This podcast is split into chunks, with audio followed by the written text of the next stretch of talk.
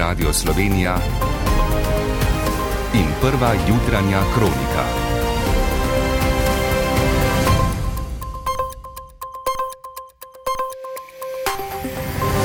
Ura je 5 in 30 minut. Dobro jutro.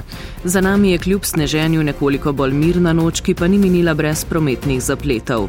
Moker sneg in neustrezna oprema sta znova privedla do zdrsov tovornih vozil, o snegolomu pa zaradi manjše količine padavin ni poročil. Tudi v prihodnjih dneh ga v takem obsegu kot včeraj ni pričakovati. Sneg bo tudi v prihodnjih dneh bo moker, ampak bodo količine manjše, tako da domnevam, da takih težav ne bi smelo biti sploh na na kakšni infrastrukturi, ki je vendarle močnejša kot kakšno drevje. Tako vremenoslovec Andrej Velka vrh v oddaji boste slišali tudi. V Ljubljani bodo danes odprli še eno ambulanto za neopredeljene. Benzin od polnoči dražji, cena dizla ostaja enaka. Ukrajina poziva Zahod k hitrejšim pošiljkam orožja. Dopoldne bo suho, popoldne znova padavine. Z vami sva Maja Mol in Lučka Majcenovič.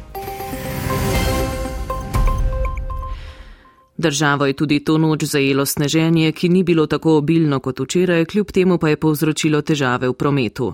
Na nekaterih odsekih je bila zaprta primorska avtocesta, na dolenski avtocesti so iz prometa izločali tovorna vozila. Včeraj zjutraj so v manj kot dveh urah namreč našteli več kot 30 zdrsov tovornih vozil, kar je še dodatno upočasnilo promet in oviralo plužne skupine. O snegolomu ali motnjah oskrbe z električno energijo danes ni priporočil. Kakšno vreme je pričakovati v prihodnjih dneh, je povedal vremenoslovec Andrej Velka vrh. Četrtek še rahlo sneženje, vendar bo takrat, kot kaže, padavin najmanj od teh dni.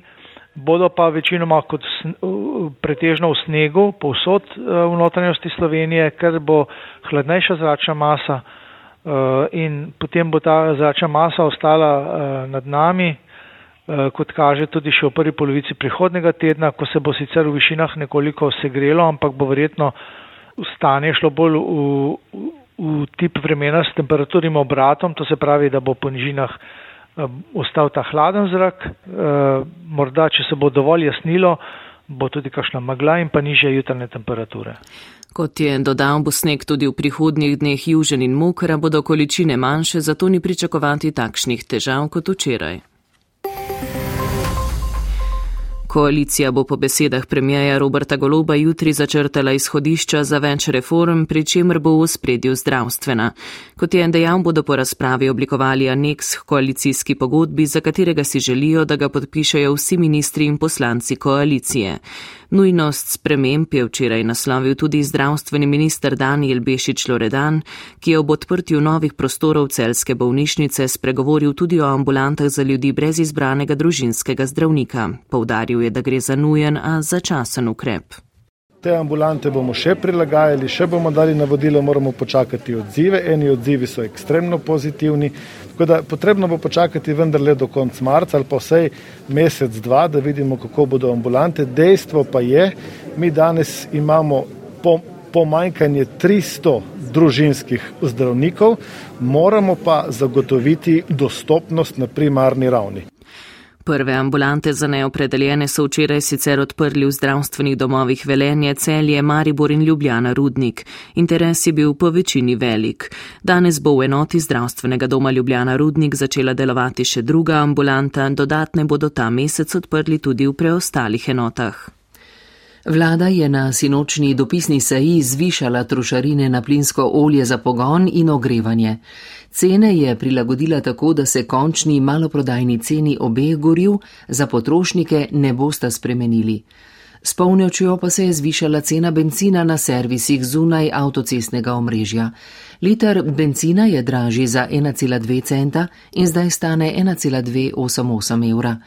Ceni dizelskega goriva in kurilnega olja sta ostali nespremenjeni. Poglejmo na tuje.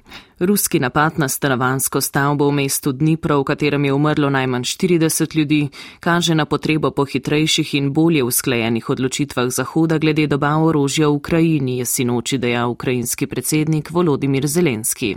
Те, що Росія готує нову спробу перехопити ініціативу у війні, Русija znova želi prevzeti pobudo v spopadu, zato se je treba uskladiti. Konec tedna se bo znova srečala skupina za obrambo Ukrajine, je povedal Zelenski in povdaril, da od koalicije svojih partnerjev pričakujejo temeljne odločitve. Ukrajina bo danes od Evropske unije sicer prejela prve 3 milijarde evrov posojila od 18, kolikor jih je predvidenih v letošnjem programu makrofinančne pomoči.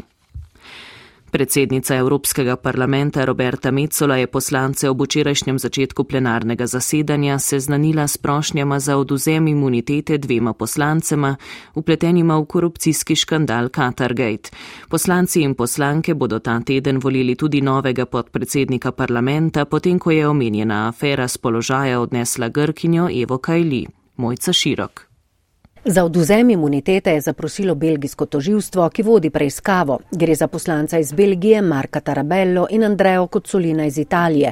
Oba prihajata iz politične skupine socialistov in demokratov, tako kot poslanka iz Grčije Eva Kajli, njen partner, parlamentarni asistent Francesco Giorgi in nekdani poslanec iz Italije Marko Panceri, ki so v belgijskem zaporu, osumljeni korupcije in pranja denarja. Tako Tarabella kot Kocolino zanikata vsakršno pletenost v korupcijsko mrežo, skozi katero naj bi Katar, po neuradnih informacijah pa tudi Maroko, s podkupovanjem poskuša vplivati na odločitve Evropskega parlamenta. Postopek oduzema imunitete naj bi trajal mesec dni. Poslanci naj bi o njem odločali na februarskem plenarnem zasedanju. Predsednica Evropskega parlamenta Roberta Mecola je napovedala tudi posvetovanja s političnimi skupinami o ukrepih za okrepitev transparentnosti in integritete delovanja poslancev, predvsem pri stikih z interesnimi skupinami. Prva jutranja kronika. Ura je 5:36 minut.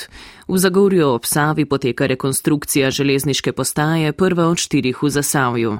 Med krajani je v času trajanja del veliko negodovanja zaradi težav pri parkiranju, saj je večji del površin razen občinskega P plus R parkirišča zaradi gradbišča zaprt. Občina in slovenske železnice so zato našli vsaj delno rešitev za vse, ki do postaje ne morejo pešali z javnim prevozom. Karmen Štranca Rajevec. Začasno parkirišče so zagotovili v podvinah na obrobju mesta Zagorje po načelu parkira in peli in kot povdarja vodja oddelka za gospodarske javne službe občine Zagorje ob Savi Ivo Vrtačnik, so tako vsem, ki se vozijo z vlaki in morajo sicer do postaje z osebnim vozilom zagotovili brezplačno parkiranje in brezplačen prevoz do železniške postaje in iz železniške postaje na to parkirišče. Lokacija se nahaja na vstopu v mesto Zagorje eh, na regionalnem razvoju, ob objektu regionalnega razvojnega centra, kjer je makadamsko parkirišče ugrajeno in odprto 24 ur na dan. Brezplačni prevoz zagotavlja veljavna vozovnica za vlak. Stroške najema parkirnega prostora, ki lahko sprejme okrog 100 vozil in prevoza z avtobusom, sta si porazdelili občina in investitor.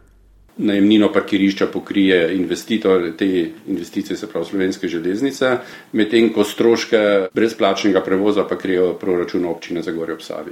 Zaenkrat pa prav posebnega zanimanja za uporabo parkirišča in prevoza do železniške postaje ni. Številne infrastrukturne projekte v tem mandatu načrtujejo tudi v občini Ribnica. Največji med njimi bo graditev kanalizacije in vodovoda v več naseljih. Prispevek Marka Škrlja. Največji zalogaj bosta čistilna naprava in kanalizacijski sistem v Doleni vasi, pravi ribniški župan Samo Pogorelc.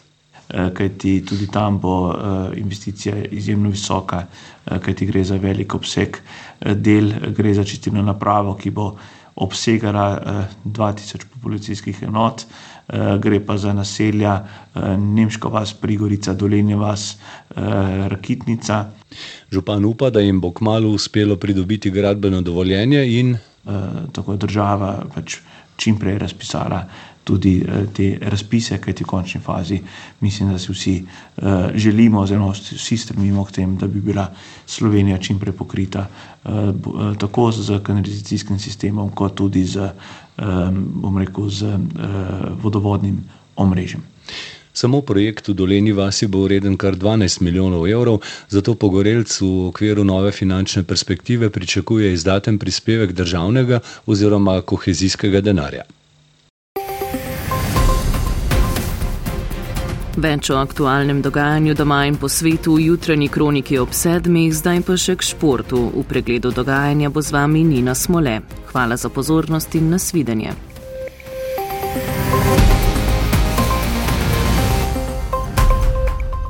Slovenski rokometaši so na tretji tekmi svetovnega prvenstva v Katovicah doživeli prvi poraz. Pripričljivo boljši so bili francozi, ki so vse čas ohranjali ugodno prednost, na koncu pa ob 14 tehničnih napakah slovencev slavili s 35 proti 31. S tem so si zagotovili prvo mesto v skupini, slovenci so bili drugi in v glavni del tekmovanja, ki se zdaj seli v Krakov, odnesli dve točki. Iz skupine B je po tesni zmagi nad Saudsko Arabijo napredovala še Poljska. Slovenci Slovence naslednja tekma čaka jutri proti Iranu, zatem bosta nasprotnici še Španija in Črna Gora. V Melbournu se je včeraj začel prvi teniški Grand Slam sezone, uvodni dan pa je minil brez presenečen. Navdušila je Kaja Juvan, ki je na uvodni tekmi upravičila vlogo favoritinje in z dve proti nič v nizih premagala francosko kvalifikantko Seleno Janičijevič. V drugem krogu bo imela precej težjo nalogo, čakajo dvoboj z lansko zmagovalko Wimbledona Jeleno Ribakino. Danes v dopodnevu bo prvenstvo začela še druga slovenska predstavnica Tamara Zidenšek, ki jo že v prvem krogu čaka druga nosilka turnirja Tunizika Onžabr. Po dveh letih odpovedi se elitna kolesarska sezona znova začenja v Avstraliji. Kolesarke so že odprle sezono svetovne serije, kolesarji jo bodo s prologom dirke tam spodaj začeli danes. S tem se bo začela desetmesečna sezona, na kateri je predvidenih 35 dirk svetovne serije, od tega 15 etapnih in 20 enodnevnih dirk. V Avstraliji sicer ne bo slovenskih kolesarjev, ki bodo sezono začeli februarja, med favoriti za zmago pa prevladujejo domačini in Britanci. Poslušali ste prvo jutranjo kroniko, voditeljica Lučka Majcenovič, napovedovalka Maja Mol, tonski mojster Blaž Mikl.